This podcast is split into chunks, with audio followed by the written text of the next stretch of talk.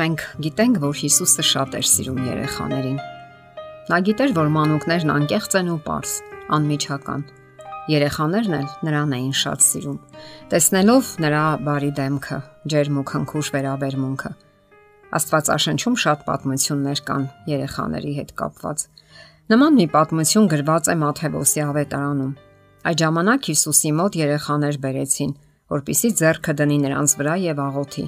Սակայն աշակերտները հանդիմանում էին նրանց, բայց Հիսուսն ասաց. Թողեք այդ երեխաներին եւ մի արգելեք նրանց ինձ մոտ գալ, որովհետեւ երկնքի արխայությունը այդպիսիներինն է։ Եվ ձեռքը դրեց նրանց վրա եւ այնտեղից գնաց։ Այստեղ գրված է, որ մայրիկները Հիսուսի մոտ էին բերում երեխաներին, որովհետև հնում էլ սովորություն կար երեխաներին տանել հոգևոր առաջնորդների մոտ, որpիսի նրանք օժնային երեխաներին Սակայն աշակերտները բարկանում են ծնողների վրա եւ թույլ չեն տալիս մոտենալ Հիսուսին։ Նրանք մտածում են, որ Հիսուսն այնքան զբաղված է, որ չի կարելի նրան անհանգստացնել։ Բայց ահա Հիսուսը տեսնում է դա եւ աշակերտներին ասում, որ չխանգարեն երեխաներին։ Ապա գրկում է նրանց, ձեռքը դնում նրանց վրա եւ օրհնում։ Այդ տեսնելով երեխաների մայրերը մխիթարվում են։ Նրանք ողքեվորվում են եւ որոշում նոր ուժով եւ սիրով ծառայել Հիսուսին։ Մայրերը հասկանում են, որ եթե գնան Հիսուսի մոտ, նոր ուժ կստանան, նոր մխիթարություն եւ իմաստություն, եւ այդ իմաստությունն էլ կօգնի ճիշտ դասյարակելու երեխաներին։ Հիսուսն էլ գիտի, որ մայրերին օժնելով նրանք ավելի սիրով եւ նվիրվածությամբ կծառայեն Աստծուն։ Նա արդեն բուժել էր կանանացի մի կնոջ։ Հարություն էր տվել նայինում բնակվող ամուսին ճանաչող կնոջ միակ որդուն։ Իսկ երբ Հիսուսը խաչի վրա էր եւ մահանում էր, հիշեց իր մոր մասին,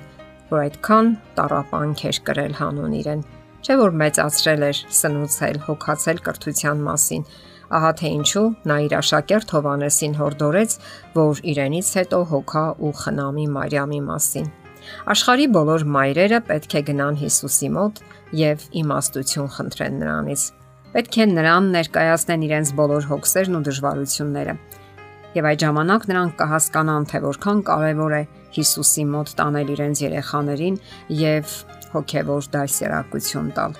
Երեխաները ապագա քարոզիչներ են եւ Աստծո մասին պատմողներ։ Ահա թե ինչու Հիսուսն իր մոտ վերած երեխաների մեջ տեսավ այն կանանց ու տղամարդկանց, ովքեր մեծանալուց հետո պետք է շարունակեն ավետարանելու կարևոր գործը։ Նա գիտեր, որ փոքրիկները անկալ են ճշմարտությունների հանդեպ, սիրում են լսել մեծահասակներին եւ վստահում են նրանց։ Ահա թե ինչու մեծահասակները իրենք էլ պետք է լսեն ու սովորեն Հիսուսից,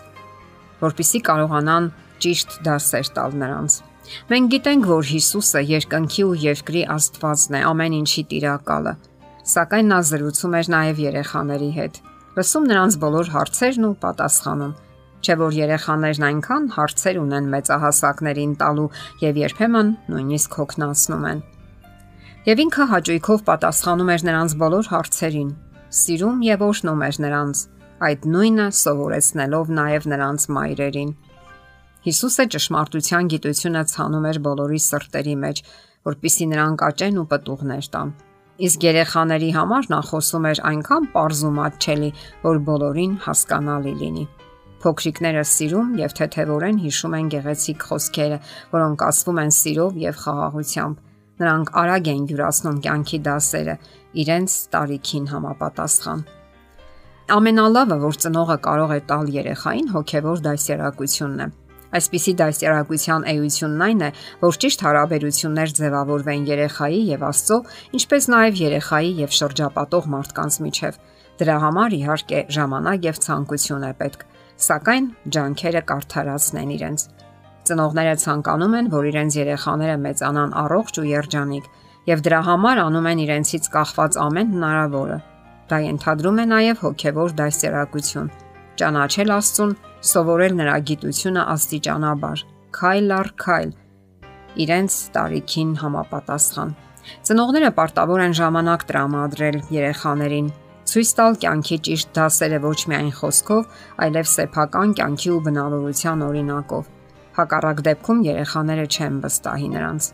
Երեխաները դեռ վաղ տարիքից հետաքրքրություն են դրսևորում հոգևոր հարցերի հանդեպ։ Ահա թե ինչու նրանց պետք է սովորեցնել, որ հասկանան ու ընկալեն Աստծո սերն ու հոգատարությունը մարդկանց հանդեպ, նույնիսկ ամենօրյա աննշան իրադարձություններում։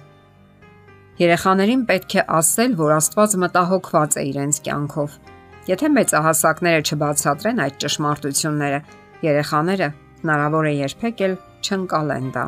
Նրանք պետք է իմանան Հիսուսի զոհաբերության մասին, ինչպես նաև հրեշտակների ներկայության մասին, ովքեր կարող են ծանր պահերին օգնել իրենց։ Եթե ծնողները ցանկանում են սեր բառը արտահայտել տառերով, ապա այն պետք է գրել այսպես. Ž A M A N A Կ. Ժամանակ։ Ոչինչ այնպես չի խոսում երեխայի հանդեպ ձեր սիրո մասին, որքան երեխայի հետ անցկացրած ժամանակը։ Դա միշտ կմնա երեխայի հիշողության մեջ եւ երջանկությամբ կլցնի նրա սիրտը։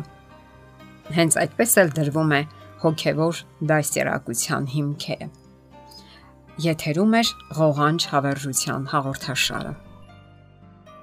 Հարցերի եւ առաջարկությունների համար զանգահարել 033 87 87 87 հեռախոսահամարով։